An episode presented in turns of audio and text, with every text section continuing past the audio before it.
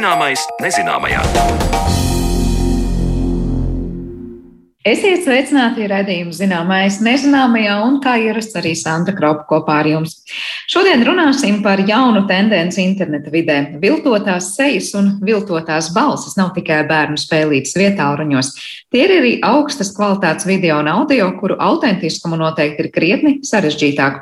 Šādi viltus video jau ir paspējuši samulsināt nevienu vienu interneta vidē, visbiežāk par upuri izvēloties politiķus un slavenības. Vai viltus ziņa, ko ar savu seju saka ASV vai Krievijas prezidents var būt draudz drošībai vai demokrātijai, un ko labu mums sniedz šāda mākslīgā intelekta tehnoloģija, par to jau drīz runāsim studijā, taču pirms tam iepazīsim tumšo internetu.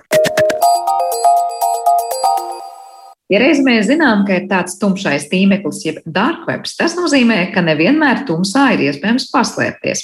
Taču lielā mērā šāds tīmeklis patiešām ticis veidots, lai tajā kāds varētu slēpties. Gan savas drošības dēļ, gan tāpēc, lai slēptu ne tās godīgākās darbības. Pēc kāda principa šāds tīmeklis darbojas un kas tad tumsā slēpjas, par to Marijas Baltkalns veidotajā ierakstā. Paralēlā pasaule, kur daudzi procesi līdzinātos mūsējai, nav tikai iedomas vai zinātniskā fantastika. Ja runājam par interneta pasauli, tad patiešām eksistē paralēla vide, kurā iespējams apmeklēt tradicionālas mājaslapas, gan rast iespēju citiem ne tiem godīgākajiem darījumiem. Šīs iezīmes ir attiecināmas uz tumšo tīmekli jeb dark webu. Latvijas IT drošības incidentu novēršanas institūcijas CERT LV vadītājas vietnieks Varis Teivāns mūsu attālināti ierakstītajā sarunā norāda, ka nelabprāt lieto apzīmējumu tumšais tīmeklis, jo ar to dažkārt tiek asociētas arī citas parādības un jēdziens tiek lietots nevietā. Taču mūsu sarunā ar to sapratīsim tīmekli, kura lietošanai ir nepieciešama atslēga, īpaša programmatūra, jo ne viss saturs tīmeklī būtu tiesiski atzīstams. Par šo tēmatu turpina Varis Teivāns. Tā ir tīkla ekosistēma publiskā interneta tīklā, tad nu, tīkls tīklā. Un, nu, tā populārākā, tā saucamā tumšā tīmekļa daļa ir tas Tor, jeb Onion network, un tā arī nodrošina šo speciālo programmatūru, kuru, principā, jebkurš interesants var uzstādīt savā ierīcē un, attiecīgi, šādā veidā nodrošināt sev pieeju šim tā saucamajam dark web, jeb tīmeklim. Tad, lai viņā iekļūtu, ir jābūt šiem vārtiem, un tas kādreiz ir tā programmatūra. Un tas nebūtu nav nekas tāds, to var tiešām lietot jebkurš interesants. Un, nu, arī tas uztaisīts šobrīd ir tā, ka tam pat zināšanas īpašas nav vajadzīgas tehniskas, lai to varētu darīt. Vienkārši viena lietotne, kura ir jāpalaiž un viņu lietojot, tad tāpat kā ikdienā internetu pārlūku lietojot, varat sākt tūlīt pat jau arī apmeklēt vietnes, kas ir šajā tumšajā tīmeklī. Man gan godīgi sakot, nav prātā tāds sakarīgs scenārijs, kāpēc parastam iedzīvotājam, pilsonim būtu jebkāda vajadzība vispār lietot šo dārgu web sadaļu. Tad nu, nekas tāds Latvijas iedzīvotājiem, manuprāt, vai demokrātisks pasaules iedzīvotājiem tur nebūtu meklējams. Tad pielietojums šādai tehnoloģijai varētu būt, protams, nu, nodrošināt sev anonimitāti. Nu, varbūt, ka kāds tiešām arī mūsu demokrātijas pasaulē vai platumgrādos arī vēlās, teiksim, tā paranoiskāk nodrošināt sev anonimitāti, un tas varētu būt viņa arguments arguments, kāpēc to lietotu. Tāpat cilvēki izvēlās lietot dažādas VPN savienojumus, kas it kā maskē viņa atrašanās vietu geogrāfisko. Nu, tad ar VPN savienojumu starpniecību izliekās, ka nāk savienojums piemēram no Kanādas vai Austrālijas vai citas pasaules daļas. Bet tad es saprotu, ka tiešām nekas ekskluzīvs tas nav. Viss, kas jums ir nepieciešams, ir šis aprīkojums, sauksim to par programmatūru, ja, un tad jūs ar tā palīdzību nokļūstat vēl vienā paralēlā pasaulē, kur ir viss tas pats, vai tomēr nu, tās vietnes, ko jūs varat apmeklēt, atšķiras. Ne par velti to tomēr it kā sauc par tumšo tīklu. Jā, nu tad no šī tumšā tīkla var piekļūt arī publiskā interneta resursiem. Tātad mēs varam apmeklēt uh, Latvijas radio mājaslapu. Nu, priekš Latvijas radio, kā resursu turētāji, izskatīsies, ka mēs neesam apmeklētājs no Latvijas, bet no kaut kurienes citurienes. Un tā īpatnība šim TOR tīklam ir tāda, ka savienojums tiek nodrošināts caur vismaz trīs punktiem. Tas nozīmē, ka arī viņa izsakošana atpakaļ ir ļoti, ļoti apgrūtināta līdz pat neiespējamai, jo nu, tas visu laiku tiek savienojums miksēts starp vairākiem starpsavienojumiem, un tad nu, grūti ir izsekot viņu. Bet nu, par resursiem runājot, kuriem tur var piekļūt klāt, ir, protams, arī nu, bezgalīgs daudzums. Ja ne bezgalīgs, tad ļoti plašs, tas spektrs arī ir visdažādākais. Un, nu, patiešām, kāpēc es minēju, ka tādam standarta iedzīvotājiem tur nav, manuprāt, ko meklēt, ir, ka tur ļoti daudz dominē krāpšana, dažādas nelikumības, aizliegts saturs un tā tālāk. Nu, līdz pat tādām lietām kā aizliegtu vielu tirzniecība, kontrabanda, kaut kādu noziegumu pasūtīšana un tādas lietas. Šādi un līdzīgi servisi bieži vien tiek radīti ar labu nolūku. Vai tas būtu tieši cilvēkiem vai reģioniem, nu, jebkurā gadījumā cilvēkiem, lai nodrošinātu viņam anonimitāti dēļ tā politiskā režīma, kāds pastāv varbūt konkrētā reģionā, vēršanās pret vārdu brīvību, kaut kādiem uzskatiem un tam līdzīgām niansēm, kas, teiksim, šāda ekosistēma, kas ir tīkls tīklā un nodrošina anonimitāti, bez šaubām ir augstā vērtē un pamatot arī būtu droši vien tā lietošana. Bet, nu, diemžēl, arī jāatzīst, ka tādas anonimitātes servisi ļoti bieži pat intensīvāk tiek pielietoti tieši no noziedznieku puses, jo tie ir iepazinušies pat detalizētāk nekā teiksim, vienkārši iedzīvotāji, kuri varbūt augst pēc vārda brīvības vai kāda savu viedokļu paušanas, un viņu mērķis ir vienkārši nebūt notvertiem un sodītiem par atšķirīgu viedokli. Tad teiksim, gan kibernoziedznieki, gan savādāki likuma pārkāpēji šīs nianses diezgan ātri teiksim, atkož tautas valodā runājot un, un lieto pat efektīvāk un apjomīgāk. Līdz ar to faktiski sanāk tāda kā servisa teiksim, ļaunprātīga izmantošana ļoti plašā mērogā. Un tā tas arī diemžēl ir ar šo toru tīklu, kur bez šaubām viņu lieto gan šiem leģitīmiem mērķiem, gan uh, visdažādākajām krāpšanas schēmām, komandu un kontrolas savienojumu nodrošināšanai, inficējot sistēmas. Ļoti populāri vienu brīdi bija tieši šie šifrējošie izspiedē vīrusi, arī lai slēptu savu infrastruktūru, uzturēja viņu šajā tumšā tīmekļa daļā, kur, lai upura inficētais dators vai sistēma varētu piekļūt šim komandu un kontroli infrastruktūrai, tad uz viņa tika uzstādīta sākumā šī speciālā programmatūra, kas nodrošina savienojumu uz tumšo tīmekli. Un tad, attiecīgi, tikai tad šis dators var piekļūt tam resursam, kur uzbrucējs grib, lai inficētā mašīna var sasniegt. Un tad attiecīgi panākt savus mērķus tālāk. Un, nu, tad tiesību sargājušām iestādēm, protams, ir darbs izmeklēt tādu un, un sadzīt pēdas rokās daudz, daudz apgrūtinātāks. Sākumā pieminēto TOR tīkla principu, proti savienojumu ar trim punktiem jeb izējas serveriem, lielā mērā ik pa laikam uztur tieši kādu valstu drošības dienesti, tā iemesla dēļ, lai varētu identificēt starp savienojumu plūsmas un panākt kādu caurspīdību. Tas var būt saistīts ar valsts drošību, tāpat Vāris Teivans piemin starptautisku operāciju pedofīlu ķeršanai tumšajā tīmeklī.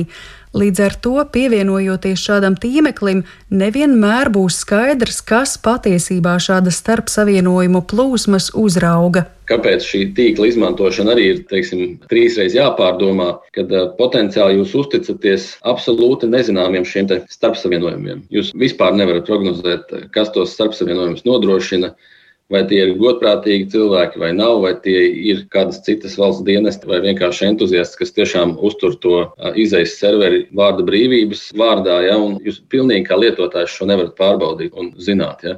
Un tad šo, protams, arī atsevišķos incidentos ir izmantojuši nu, kaitnieciskiem mērķiem. Piemēram, ja lietotājs lejuplādē kādu programmatūru, tad lejuplādes laikā vai nu to var manipulēt vai iedot citu failu, tad pasniegt lejuplādē citu failu potenciāli materiāli, kas satur kaut ko vairāk nekā oriģinālais kods, nu, tad parasta vīrusu funkcionalitāte. Pastāv vairāki veidi, kā piekļūt šiem tīmeklim. Tas atkarīgs no satura un mērķiem. Tur uzskatāms par vispopulārāko paņēmienu.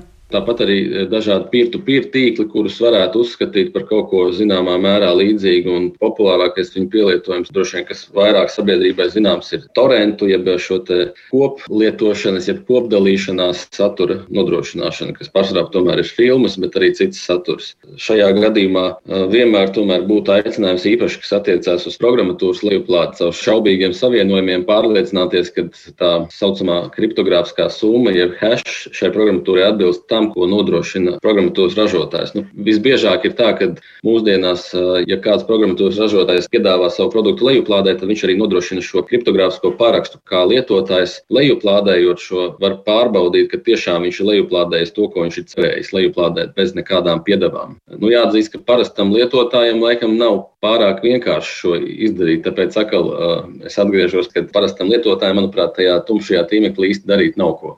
Es šajā saistībā jums vēl vienu lietu gribēju jautāt, vai tā ir, ka šis tīkls arī varētu darboties kā tāda nu, laba, vērtīga platforma, kur var darboties trauksmes cēlāji par kaut kādām Google nepilnībām, jo mēs jau zinām, ka ar Google, Facebook un ar visiem šiem tīkliem pēdējā laikā ir arī bijuši skaļi gadījumi par to, kā viņi uzglabā lietotāju datus, un tad lūk, šāds paralēlais tīmeklis, jeb ekosistēma ir kā laba vieta, kur šie trauksmes cēlēji var darboties darboties? Nu, e, tad jāsaprot, droši vien, ko trauksmes cēlējs tur gribētu darboties, bet, lai slēptu savu identitāti, tad jā, varētu piekrist, ka tas būtu viens veids, kā trauksmes cēlējs varētu caur šo anonīmo tīklu reģistrēt, pieņemsim, jaunu e-pastu kontu un tad no tā e-pasta konta iesūtīt trauksmes cēlāja ziņojumu, saglabājot savu anonimitāti.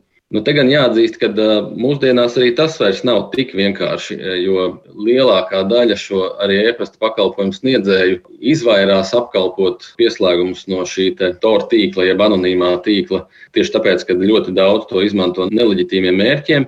Un, ja viņi no tā teiksim, neizvairās simtprocentīgi, tad stipri apgrūtina šāda konta reģistrēšanu. Tas nozīmē, ka tas nav tā klik, klik un, un, un ir, ja tad jums tiek prasīti visādi papildus faktori, kā piemēram telefons telefona numurs, kas potenciāli atkal atklāja jūs nu, zināmā mērā. Protams, tad šis trausmas cēlējs var meklēt atkal kādu risinājumu, kā tas varētu būt ne viņa pastāvīgais telefona numurs, kuru viņš tur iesniedz vai kādu citu risinājumu. Bet katrā ziņā tas norāda tikai uz to, ka arī šīs platformas, kuras nodrošina servisus, ļoti nelabprāt pieņem šīs, gan šīs reģistrācijas, gan citus mēģinājumus lietot viņu resursus no šī anonīmā tīkla. Visbeidzot, vai ir vispār kaut kāda tāda statistika, kuros reģionos būtu izteikta tāda paralēlā tīmekļa izmantošana un kur mazāk, piemēram, kāda mums Latvijā ir situācija, vai tas ir zināms? Latvijā šo resursu lieto, es negribētu teikt, ka ļoti plaši, bet, bet lieto arī dažādiem mērķiem. Gan neleģitīviem, gan jau pieminētie bērnu tiesību pārkāpēji, kuru Latvijā diemžēl ir, gana daudz, un policija intensīvi strādā, lai tos identificētu un tad saukt pie atbildības. Gan atsevišķas tiesību sargājušās iestādes pašas proaktīvi lieto šos tīklus, lai veiktu kaut kādas savas operatīvās darbības.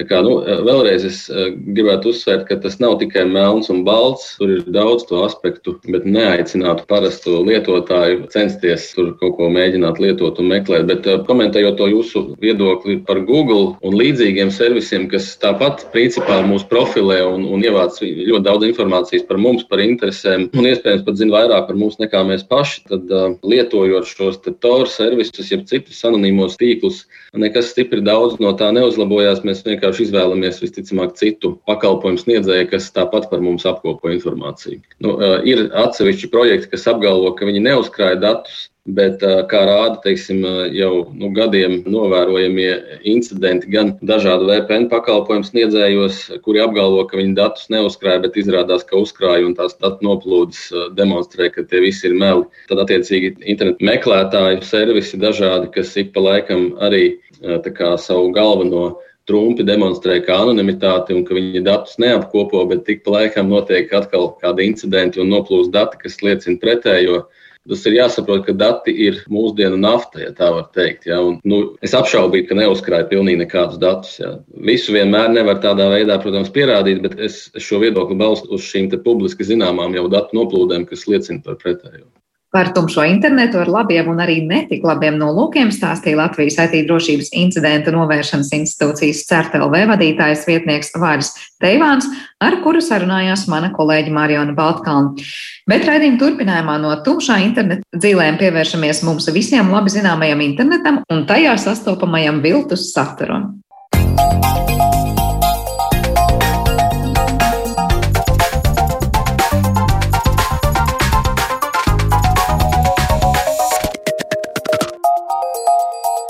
Zināmais nezināmajā. Viltus ziņas nav svešs jēdziens pasaulē, kurā lielākā daļa cilvēku ziņas uzzina internetu vidē. Tajā ir viegli būt anonīmam, viegli ātri un bez pēdām mainīt saturu, un nu jau arī viegli mainīt cilvēka balsis un sejas. Vai šāda manīšanās ir eh, nevainīga izklaide, kas vienkārši ļauj pašbildītē uzlikt citu cilvēku sejas vaipstus vai reāls draudz demokrātijai, kurā viegli mulcināt sabiedrību? Par to mēs šodien runāsim sīkāk ar mūsu attālinātās studijas viesiem. Ar mums šodien kopā ir Reina Zitmane, IT speciālists speciālists un tehnoloģija eksperts. Sveiki, Reini! Sveiki! Un tāpat arī Roberts Kadiņš, kurš ir elektronikas un datorzinātņu institūta vadošais pētnieks. Labdien, Robert! Labdien! Vispirms par šo pašu deepfake es saprotu, ka nu, tā sauc šo samainītās sejas un balsis, dziļais viltojums, latviešu, protams, tulkojot, bet es nezinu, cik jums viegli ir pašiem noteikt, kurš video, ko jūs skatāties, ir vai nav īsts runātājs, ir vai nav, piemēram, es nezinu, Obama vai kāds cits politiķis. Vai arī jūs, kā tehnoloģijās, nu, zinoši cilvēki, teiktu, tas ir liels draudz un ir jāsāk domāt, kā atpazīt īsts, neīsts video? Reini, varbūt sākšu ar tevi. Uh, jā, uh, jo plašāks pazīstams būs politiķis, uh, jo vairāk viņš ir figurējis medijos, televīzijā, jo lielāks ir iespējas uztaisīt vizuāli ticamu un ar cilvēka acīm maz atšķiramu video, kas nav īsts, kurā šis cilvēks runā, kustās un tam līdzīgi. Ja šis video būs salīmēts bērniem rotaļājoties eh, vietālrunī vai ar kaut kādas maziņas programmas palīdzību mēģināts zūmā, varbūt apmaini, apmānīt, kā saka, skatītāju, tad visticamāk mēs joprojām to pamanīsim. Ja, bilde būs krietni maskustīgāka, mīmika būs ļoti ierobežota, eh, kaut kāda pārklājuma un tā tālāk. Bet, eh, ja video būs labs un cilvēki, kas ir gribējuši panākt sabiedriskās domas, ietekmēšanu, būs tur investējuši vairākas darba dienas eh, un pēcapstrādi un tā tālāk, tad eh, patiesībā tikai algoritmi, jeb citas programmas spēs noteikt ar pilnīgu pārliecību, vai tas video ir īsts vai nē. Jā, par to, kāda ir algoritmi, lai to pateiktu, mēs droši vien vēl parunāsim, un kāda ir centieni tehnoloģiski, kā saka, notvert šos viltojumus. Robert, kāds ir tas varbūt komentārs pie tā, ko jau Reinis tikko teica? Nu, vēl var piebilst, tā kā mēs internetā esam pat ļoti pieraduši arī pie tādiem nekvalitatīviem video, jo bieži vien ir kompresijas algoritmi, kas atļauj mums pa mobilo internetu daudz vairāk skatīties. Tāpēc ja pats video jau ir nekvalitatīvs, tur ir pat vieglāk paslēpt kaut kādus trūkumus, ko varētu būt ģenerējis dators pats. Tāpēc es tā ļoti pat nepaļaujos uz savu spēju pateikt video īsti vai neīsti. Tad es vairāk sāku domāt par to, no kurienes ir tas video, kas viņu ir līdzis, cik tas ir oficiāli, neoficiāli. Un no kurienes tas video pie manis ir atnācis. Ja tas ir atnācis, jo mans kaimiņš ir kaut kādā sociālā tīklā to kopīgojis, tad Vai viņš ir domājis, no kurienes tas video ir? Visticamāk, ka nē. Tāpēc pat vairāk skatos uz to, nevis mēģinu saprast pēc pikseliem, vai tas ir īsts vai neīsts video. Jā, nu Roberts tikko ieskicēja to, ka tieši skatoties uz šiem video, lai atpazītu īsts vai neīsts, nekur netiek atcelt visi tie principi, ko mēs arī atlasām īsts, neīstas ziņas saturam. Jā, tātad avots, no kurienes un par ko īsti ir stāsts. Bet uh, tas par to mazas izšķirtspējas varbūt video vai sliktas kvalitātes video, teiksim tā. Tā ir taisnība, ka patiesībā, lai izveidot šādu te, nu, nepar, nepatiesu video un uzlikt kādam citu seju un cita balsi, patiesībā tieši šo te sliktas izšķirtspējas video ir vieglāk ģenerēt, proti, tur būs mazāk laika vajadzīgs un tas būs vienkāršāk šai sistēmai. Cik pasargāt vai nepasargāt mēs esam patiesībā šajā zūma laikmetā, kad mēs katru otro sarunu laikam ierakstam ar video un varbūt arī, kas zina, kā tālāk izplatām. Uh, varbūt ar Robertu sākšu, tad reizes, lai papildinātu, ja Roberts to domu iesāk. Uh, jā, vieglāk ir ģenerēt mazas izšķirtspējas video, bet tas ir pārsvarā pat uh, resursu dēļ, jo tas ir ātrāk. Un, nu jā, arī bieži tie paši uh, mākslīgā intelekta modeļi, kas ir trenēti ģenerēt kaut kādus video, uh, viņus daudz vieglāk ir trenēt uz mazākiem attēliem, tas paņem mazāk laiku. Un ir tie mazie attēli. Protams, viņus vēl var pēc tam jau ar citiem mākslīgo neironu tīklu modeļiem padarīt kvalitatīvāks vai lielāku izšķirtspēju, kas ir tāds jau atsevišķs darbs, ko var darīt. Bet jā, mazāks video ātrāk, vieglāk. Un pēc tam, protams, pat ja tas video ir uztaisīts liels kvalitātes, vieglāk jau paslēpt kaut kādus artefaktus vai kaut ko, ja pēc tam vēl saspiež to video, uzliek pa virsmu kaut kādu kompresijas algoritmu, kad tur parādās mums klasiskie redzamie taisni stūrīši visādos internetu video, tie, tie var daudz paslēpt. Reini? Jā, jā, tur ir zinām, teiksim, korelācija, jo jaudīgāks cilvēkam, kas veido šādus video, būs dators. Un jo kvalitatīvāks izējuma materiāls viņa rokās ir, protams, jo tas gala rezultāts būs uh, kvalitatīvāks un mazāk atšķirams cilvēka acī. Uh, ja izējuma materiāls ir uh, sliktā izšķirtspējā, respektīvi mazs punkts skaits colā, vai, vai kā nu mēs to saucam, tad, protams, jā, tur no datora viedokļa katra bildīte, fotografija ir vienkārši kaut kāda kā saka, rindiņas ar dažādu krāsu pikselīšiem, ja, kas kopā veido fotografiju, kur mēs uztveram kā cilvēks ar aci, kā kobildi. Tad, jā, nu, protams, ja tur ir mazāk šo pikselīšu, ko analizēt, un kaut kādu krāsu, laukumu, plankumu, kontūru, kontrastu, tad jā, process iet ātrāk. Uh, Tad, eh, jā, nu, droši vien, Sandra, tev ir taisnība. Lai eh, ņemot vērā, cik briesmīgi slikti mēdz būt arī šie Zoom eh, video, citreiz nekvalitatīvi, jā, dažādu internetu savienojumu dēļ, ka tur ir augstās skaņa, pazūd, attēls tur kaut kā peld un tā. Tad es domāju, tādām Zoom vajadzībām Jā, varētu būt mazprasīgāks šis te viss uztaisīt tādu video, ņemot vērā Zoom jau tā briesmīgo raustīšanos nereti, nu, kad, kad tas pēc kaut kā tas viss tāpatās izskatīsies. Bet, uh, lai ielikt sociālajos tīklos uh, kaut ko daudz maz ticamu, nu, kur cilvēki tomēr ir pieraduši, kad uh, vienalga vai, vai skatos Facebook vai YouTube, tur kaut kādu koplietot video. Uh, nu, es ļoti labi spēju saka, tomēr, tomēr redzēt un saprast, uh, nu, ka tas ir normāls kvalitātes video. Uh, tur var nepietikt ar šādu kvalitāti, jo uh, pats cilvēka slinkums un izlutinātība viņu pasargās no tā. Tāpēc, ka cilvēks tomēr ir pieradis, ka viss ir saka, smuki, Uh, Facebookā smuki, YouTube smuki. Un, ja kāds tur ieliks kaut kādu baisa kvalitātes video, tad cilvēki vienkārši spiedīs nākamo, jo viņi negribēs tērēt savu laiku skatīties kaut ko tādu. Jā. Bet ir tehnoloģiski runājot, šobrīd es rakstu šo interviju. Mēs visi trīs skatāmies viens uz otru, un pēc tam ierakstot šo interviju. Ja vien man būtu vēlēšanās un prasmes, tad es varētu patiesībā Roberta teikto pielikt Rēņa sejai, ja, un Rēņa atbildes pielikt Roberta sejai. Un eh, patiesībā cilvēks, kas nav bijis blakus mūsu intervijai, pilnīgi noteikti noticētu, ko katrs no jums ir teicis eh, šajā samainītajā versijā. Ja, tas būtu diezgan ticami un iespējams.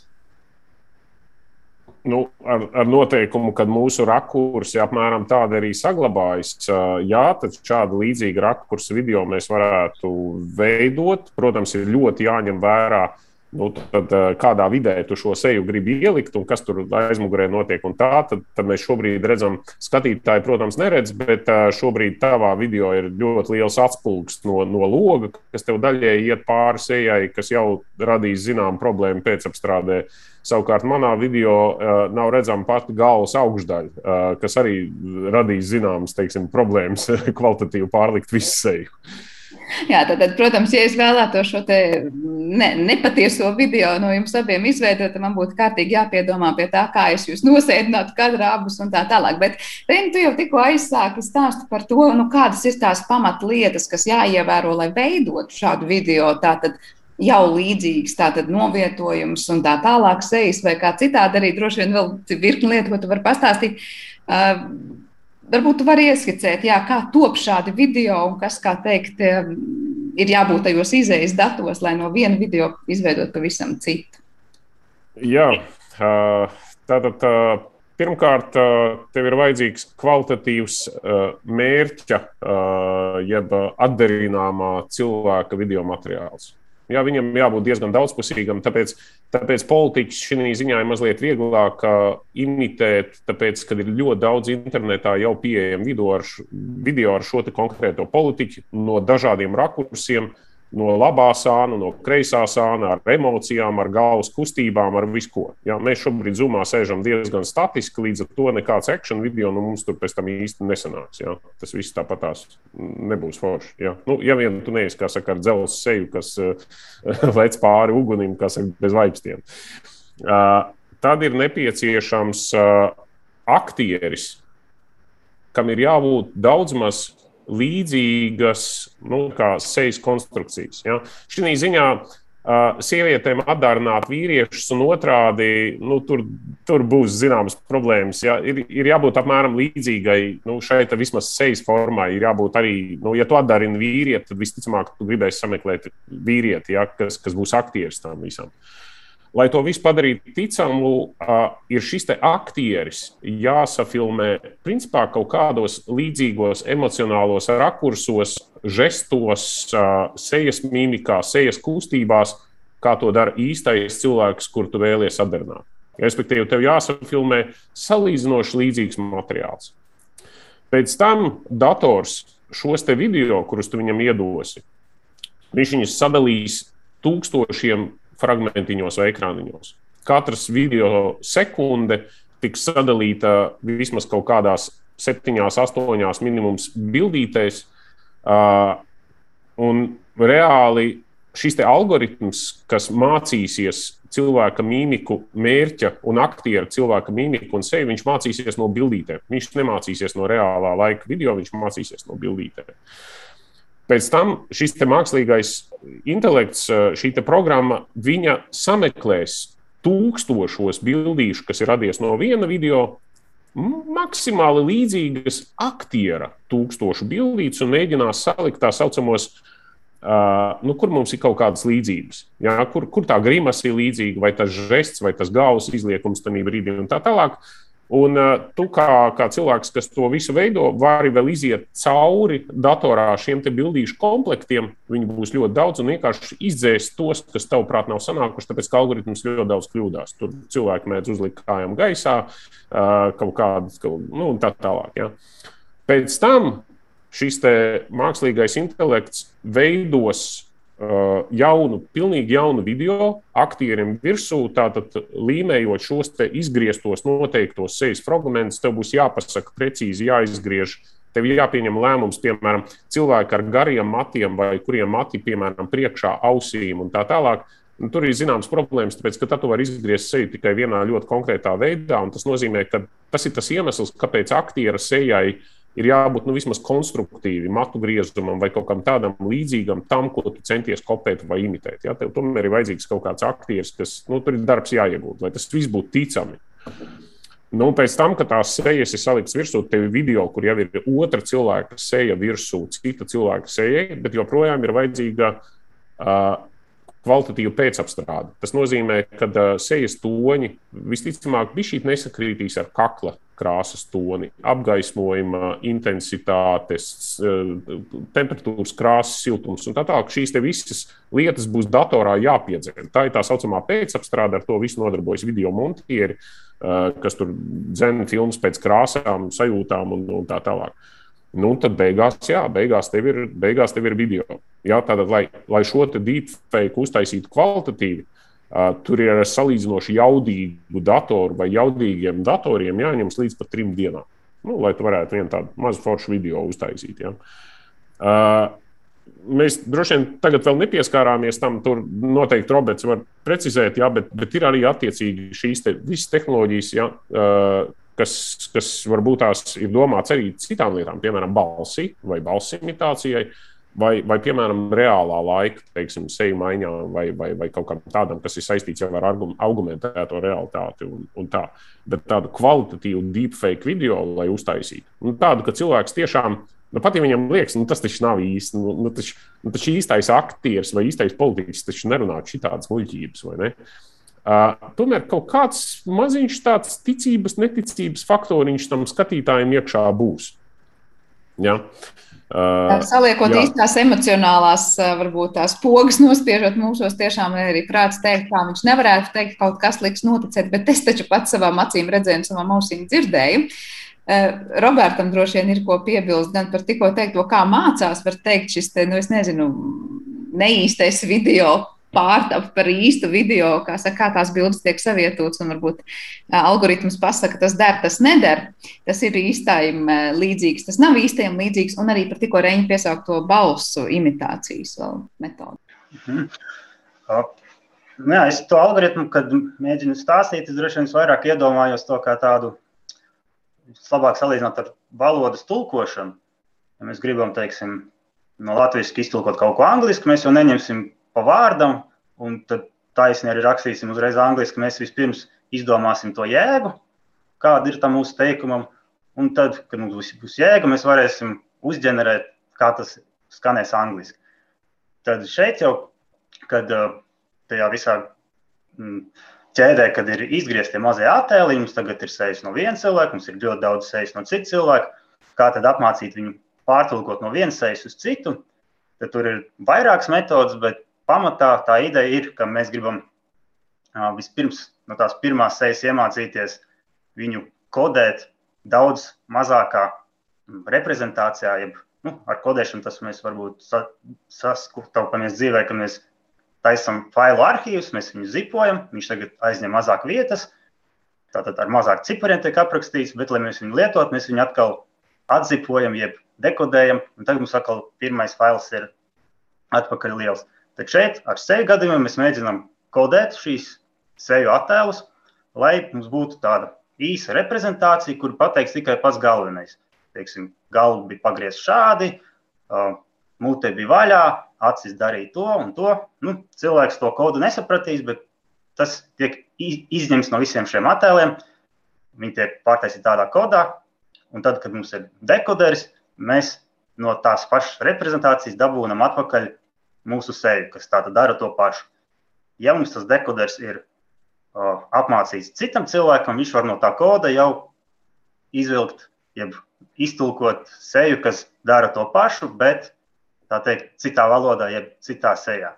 Tā tiek iekodēts un atkodēts. Un gan to kodēšanu, gan to dekodēšanu, to visu dara saucamie mākslīgo neironu tīkli, kas tiek apmācīti ar daudzām piemēr, piemēriem. Nevis tur cilvēks konkrēti raksta, ko katra rindiņa, ko katrs cipars nozīmē tajā kodēšanā, bet tas viss jau tiek apmācīts tātad daļai automātiski, cilvēkam pat īsti nedomājot, kā tas tiek kodēts, kā tas tiek atkodēts.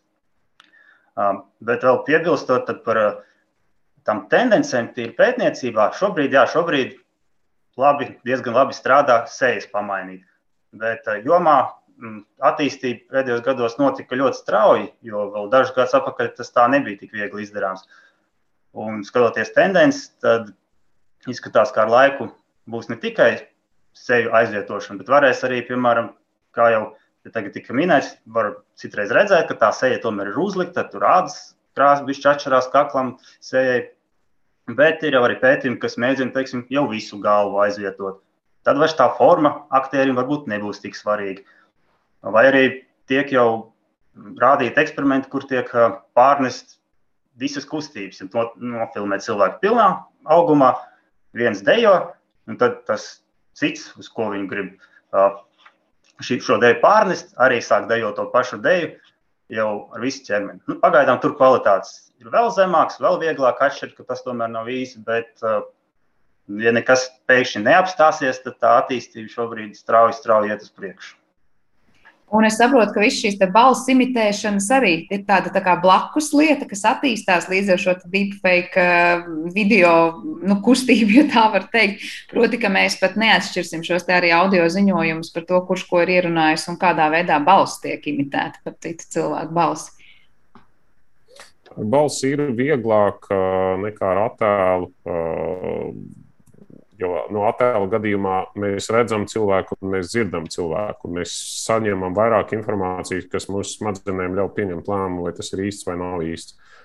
balss gadījumā, jo īpaši, piemēram, šo balsi novadot pa telefonu, ja, kur jau ir mazliet nu, tā kvalitāte zūd, uh, ir krietni vieglāk pārliecināt šo te telefonu sarunu biedru, ka tas zvanītājs ir cits. Tā programmatūra, uh, viņa arī ir pieejama. Viņu gan izmanto labiem nolūkiem, piemēram, nu, re, tu strādā, tu tieši strādā audio biznesā, Sandra. Tas nozīmē, ka, piemēram, ir speciāla programmatūra, lai tev nevajadzētu kaut kādus gabaliņus pārdomāt vai pārrakstīt. Ai, bet es taču vēl tur gribēju pateikt to. Ai, mēs kļūdījāmies ar gadu, pateicām ētrā 1785, vajadzēja 1875, lai tev nevajadzētu visu to intervijas fragment tagad pārunāt pa jaunu, un tu to vairs nevari izdarīt, jo tas cilvēks jau interviju ir beidzis un aizbraucis no studijas prom. Tad šīs programmas ļauj analizējot tātad intervējamā cilvēka balsi un tā tālāk, transkribējot tekstu, tev datorā šī te tekstā pamainīt šo te gada skaitli vai pierakstīt kaut ko klāt vai kaut kādu teikumu izdzēst. Uh, un šis algoritms, izmantojot šo pašu ierunāto balsi, ko cilvēks tikko ir izdarījis, viņš vienkārši uztaisa, it kā viņš intervijā būtu teicis mazliet savādāk. Uh, šobrīd tas viss ļoti labi strādā angļu valodā. Latviešu valodā, nu, kā, kā, kā mazajā valodā, ja tas mums šobrīd varbūt tās pasargā no šādiem pārsteigumiem, bet gan jau, kad arī latviešu valodā tas ienāks ar vien vairāk. Ir ļoti, nu, tas, tas viss ir ļoti tā uh, varētu pat teikt, bija bīstami. Jā. Ārzemēs jau tiek izkrāptas naudas, uh, izliekoties par to, par ko tu neesi, izkrāpjot no kompānijām naudu, izkrāpjot no cilvēkiem naudu. Uh, un Latvijā ir cilvēki, kas uzskata, ka likumdošanai beidzot šim te visam vajadzētu tomēr pievērsties ar noteikumu, ka uh, visas šīs te tehnoloģijas tiktu atļautas lietot tikai izklaides industrijā. Es tieši gribēju. Mēs nevaram noliekt par to, ko tas dod kino industrijai, un, un atdzīvinot visādus mākslas priekšmetus, un atdzīvinot sen mirušus aktierus un tā tālāk. Tur ir, tur ir milzīgs potenciāls, skaidrs. Bet, bet, jā, bet, bet problēma ir tajā, ka to izmanto ne tā, kā vajag.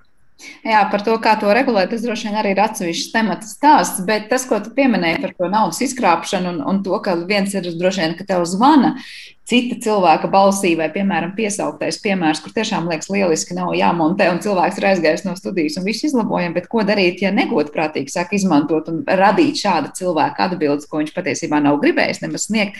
Es iedomājos par šiem dažādiem WhatsApp vai jebkuru citu video ziņojumiem, ko nu, arī droši vien varētu piesūtīt cilvēkam vislabāk zināmajā diennakts laikā, kad viņš varbūt ir vismazāk uzmanīgs ar tekstu, ka tuvākais cilvēks ir nonācis situācijā, kur ir ļoti jāpalīdz un tādā veidā mēģināt izkrāpt naudu. Vai jūs redzat, ka šādi deepfake video nu, pieteiks arī sevi tajā, kā cilvēks saņems nē, nu, neīstus video no saviem tuviem labi zināmiem cilvēkiem, kur liksies, es taču viņu redzu, un jā, viņam ir jāpalīdz, man ir kaut kas jārīkojas. Vai tas ir draudz jūsuprāt vispār šādām dažādām krāpnieciskajām schēmām arī tuvākajā nākotnē? Roberta, varbūt sākšu ar jums. Jā, es domāju, tas ir ļoti ticams draudz, jo tā tehnoloģija ļauj, kā moderni saka, skalot šos uzbrukumus, krāpniecību, jo nebūs pat uh, cilvēkam pašam jāzvana uz simts numuriem, kamēr tur viens no tiem simts vai divi no tiem simts uzķersies. Varēs sarakstīt jau gatavus tekstus no gatava mērķa cilvēka, ja tas ir nepieciešams, teiksim, no kaut kāda uzņēmuma bosa vai, vai zinām cilvēka. Un varēs arī ģenerēt reālā laikā tajā pat, pat šā balsī arī atbildes. Tātad izklausīsies, ka jūs runājat tiešām ar reālu cilvēku. Un tā kā lai to palaistu teikt, uz daudziem cilvēkiem, izmēģināt, tas to varēs darīt automātiski. Tātad daži spēcīgi datori, un jūs jau nosedzat milzīgu populāciju. Un, ja tur 2% uztversies, jūs jau esat ļoti, ļoti nopelnījis. Tāpēc domāju, tas potenciāls uh, tur ir pietiekami liels, lai to izmantotu. Bet kopumā jūs abi šobrīd vairāk uz to raugāties kā tehnoloģiju, kas ir vairāk draudoša un nes vairāk nu, tāda nesakārtota un bīstama līdzi, vai tomēr tie ieguvumi ir pietiekoši lieli, vienalga vai tā ir reklāmas industrija vai kino industrija jau runātā, vai arī Nu, es dzirdēju, ka pašos sākumos vispār arī ideja bija vienkārši kā pārvērst, nezinu, neierunāt fiziski tekstu kādam skolotājam, piemēram, no, no rakstiska formātā, video formātā. Protams, viņš pēkšņi ir prezentējis šādu lekciju vai šādu grāmatu. Ja? Kā jūs šobrīd klasificētu tos plusus un mīnusus šai tehnoloģijai? Nu, es tā par mīnusiem, manuprāt, es jau pieminēju. Ja, jau šobrīd mēs nevaram būt droši par to, vai kaut kādas pēkšņi uzpeldējušas politiķu sarunas uh, ierakstītas kā kaut kādās viesnīcās un tam līdzīgi. Jau šobrīd mēs nevaram būt pārliecināti, vai tas ir īsts materiāls vai nē. Žurnālistiem būs ārkārtīgi grūti teiksim, pieņemt lēmumu, uzticēties un balstoties uz šādu informāciju, veidot kaut kādas sižetas vai tomēr nē. Uh, Un mēs esam piecas minūtes līdz tam, kad Latvijas, un ne tikai Latvijas tiesas sistēmā, būs precedenti, kad tiesnesim būs jāpieņem lēmums, vai jebkāda veida balss ieraksts vairs vispār var būt materiāls par pamatu. Ja? Uh, labās lietas, jā, labās lietas, kā jau minēju, ir, tev, tev ir iespēja klausīties kaut kādu audio grāmatu, tavu iemīļotā aktiera izpildījumā un balsī. Uh, Tev ir iespējas redzēt vecus, labus aktierus, kas kādreiz bija melnbalti, tagad pēkšņi jaunā, krāsainā filmā, pilnīgi jaunā kvalitatīvā izpildījumā. Varbūt tās nākamajā sērijā kādam tavam iemīļotam, izbijušam seriālam, kurš beidzās, jo aktieris jau sen ir miris, bet tagad pēkšņi šī filma ir atzimusi, un tev ir jauna sērija, un tev ir iespēja saka, kavēties atmiņās. Uh, tev ir iespēja uzģenerēt sev avatāru, kas tavā vietā atbildēs uz kaut kādiem video tālruņa zvaniem, vai balstoties uz transkribētu materiālu, novadīt attālināti lekciju uh, vietnamiešu bērniem, vietnamiešu valodā. Uh, kaut arī īstenībā vietnamiski tu absolūti nerunā, bet tu runā latviešu, un reālā laika algoritms tev gan sejas mīmiku, mutes kustības un tā tālāk sinhronizē. Tas ir tā saucamais lipsings. Uh, lai tu to, ko tu stāstīji tikko latviešu bērniem, varētu izstāstīt vietnamiešu bērniem, un viņi tevi saprastu, jo viņu acīs tur runā vietnamiski. Tur ir ļoti daudz labumu, uh, bet ir ļoti daudz arī bīstamības jā, par kurām droši vien ar vien vairāk tiks runāts un domāts tīri arī tiesiski, kā to darīt. Un, kas zina, varbūt saka, nākotnes profesija būs tādi kiberpolicisti, kas to vien darīs, kā skatīsies saturu un varbūt šādu veidu dažādu materiālu izplatīšanu internetu vidē, kas ir un kas nav īsts. Roberta, varbūt tev kas piebilstams. Jā, nu, es domāju, ka draudi ir jau diezgan labi apzināti, kādi viņi ir un kādi viņi vēl būs.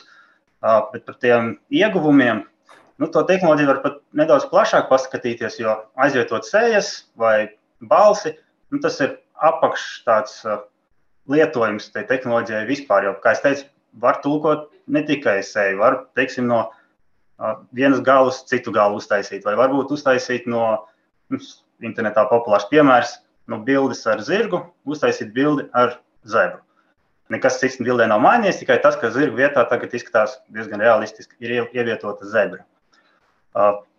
Un šeit jau tas lietojums ir tāds pat ļoti plašs, teikt, jo mākslīgais intelekts, viņš tagad tiek daudz kur lietots, teiksim, pašrodzošās auto, lai saprastu, kas notiek uz ceļa, bet lai tādus uh, mākslīgos intelektus, tos um, mākslīgo neironu tīklus apmācītu, ir nepieciešami daudz apmācības dati.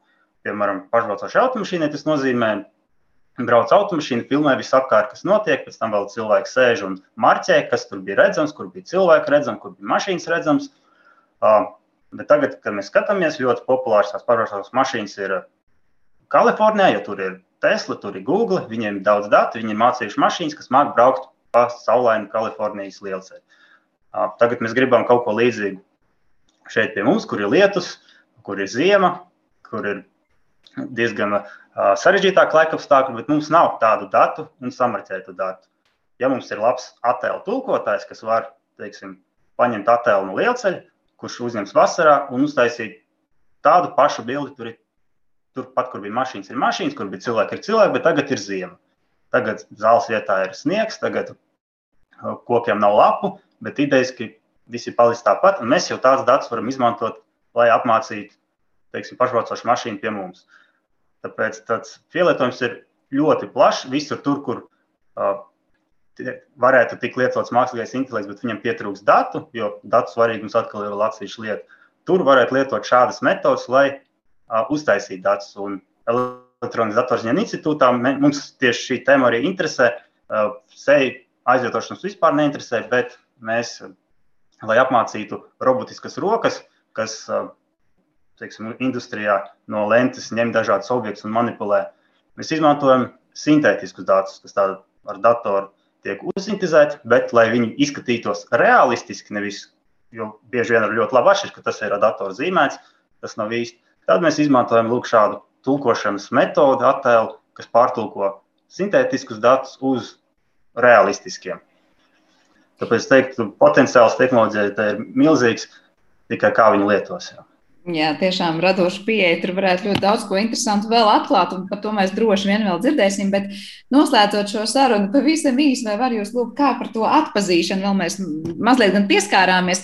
Es saprotu, ka ir diezgan daudz naudas ieguldīts un tiek ieguldīts tajā, ka cilvēki izstrādā algoritmus, kā labāk atpazīt, ir vai nav šis kā, kā neīsts video.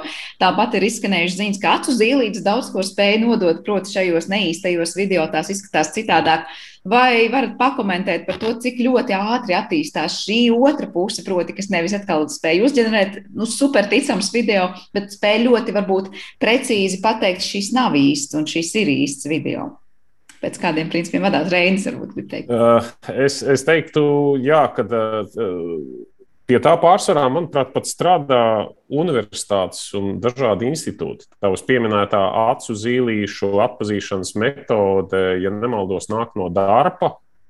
Uh, ir citas metodes, kas pēta tā saucamos trokšņa pikseļus uh, video materiālā, kur tiem īsti nebūtu jābūt, uh, kas nevarētu būt, teiksim, video kameras uh, vaina vai video algoritmu vaina, pat ja tas ir filmēts ar telefonu. Uh, Uh, nu, balss sintēzei uh, arī ir. Uh, balss sintēze pat varbūt tās ir datoram mazliet pat vieglāk atšķirt, uh, vai tas ir īsts vai neīsts. Tāpēc, kad uh, nu, intonācija modulācija ir laba lieta, bet nu, ne, visi, ne, vis, ne visas tehnoloģijas to vēl māk. Līdz ar to Pastāv visai liela varbūtība, ka kādā garā teikumā trīsreiz pasakot A burtu, cilvēka ausī tu dzirdēsi A burtu, bet dators dzirdēs pilnīgi identisku frekvenci. Kaut arī dzīvē nekad tā nevar būt, ka tu izrunā vārdu hidroelektrostacija ar diviem A pilnīgi identiski abas divas burts.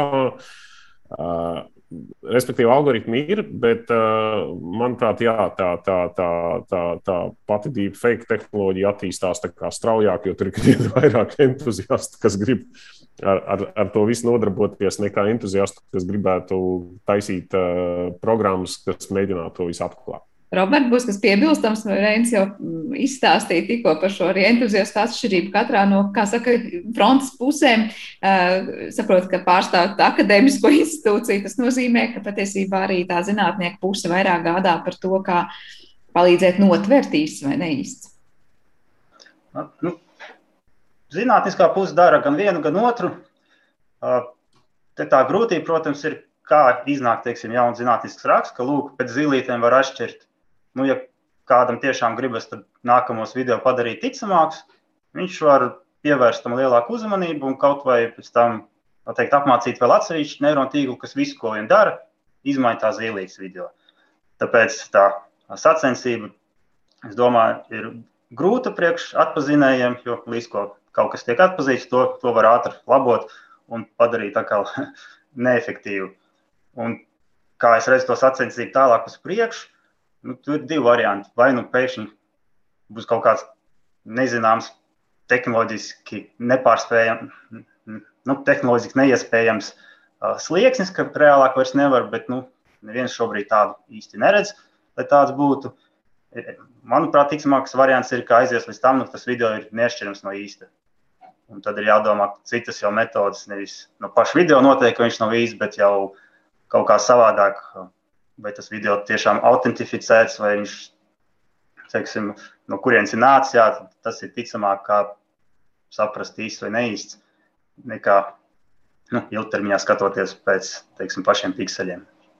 Kā darāmā būs vēl daudz visās pusēs, jā, un visās jomās droši vien, gan par pieminētiem tiesnešiem, gan par pieminētajiem mediju speciālistiem, gan, protams, katram mums, kā, kā dažādu video saturu lietotājiem, saņēmējiem vai radītājiem. Uh, Lielas paldies jums par šo sarunu. Es atgādināšu klausītājiem, ka šodien raidījumā šajā pusstundā bijām kopā ar IT speciālistu un tehnoloģiju ekspertu Reinu Zitmani, kā arī elektronikas un datorzinātņu institūtu vadošo pētnieku Robertu Kadiķu. Paldies jums abiem par sarunu un atgādināšu, ka šo raidījumu producēja Paula Gulbinska, bet par mūziku parūpējās Girds Bišs. Savukārt ar jums kopā bija Sandra Kropa un mēs tiekamies jau atkal rīt. Visu labu!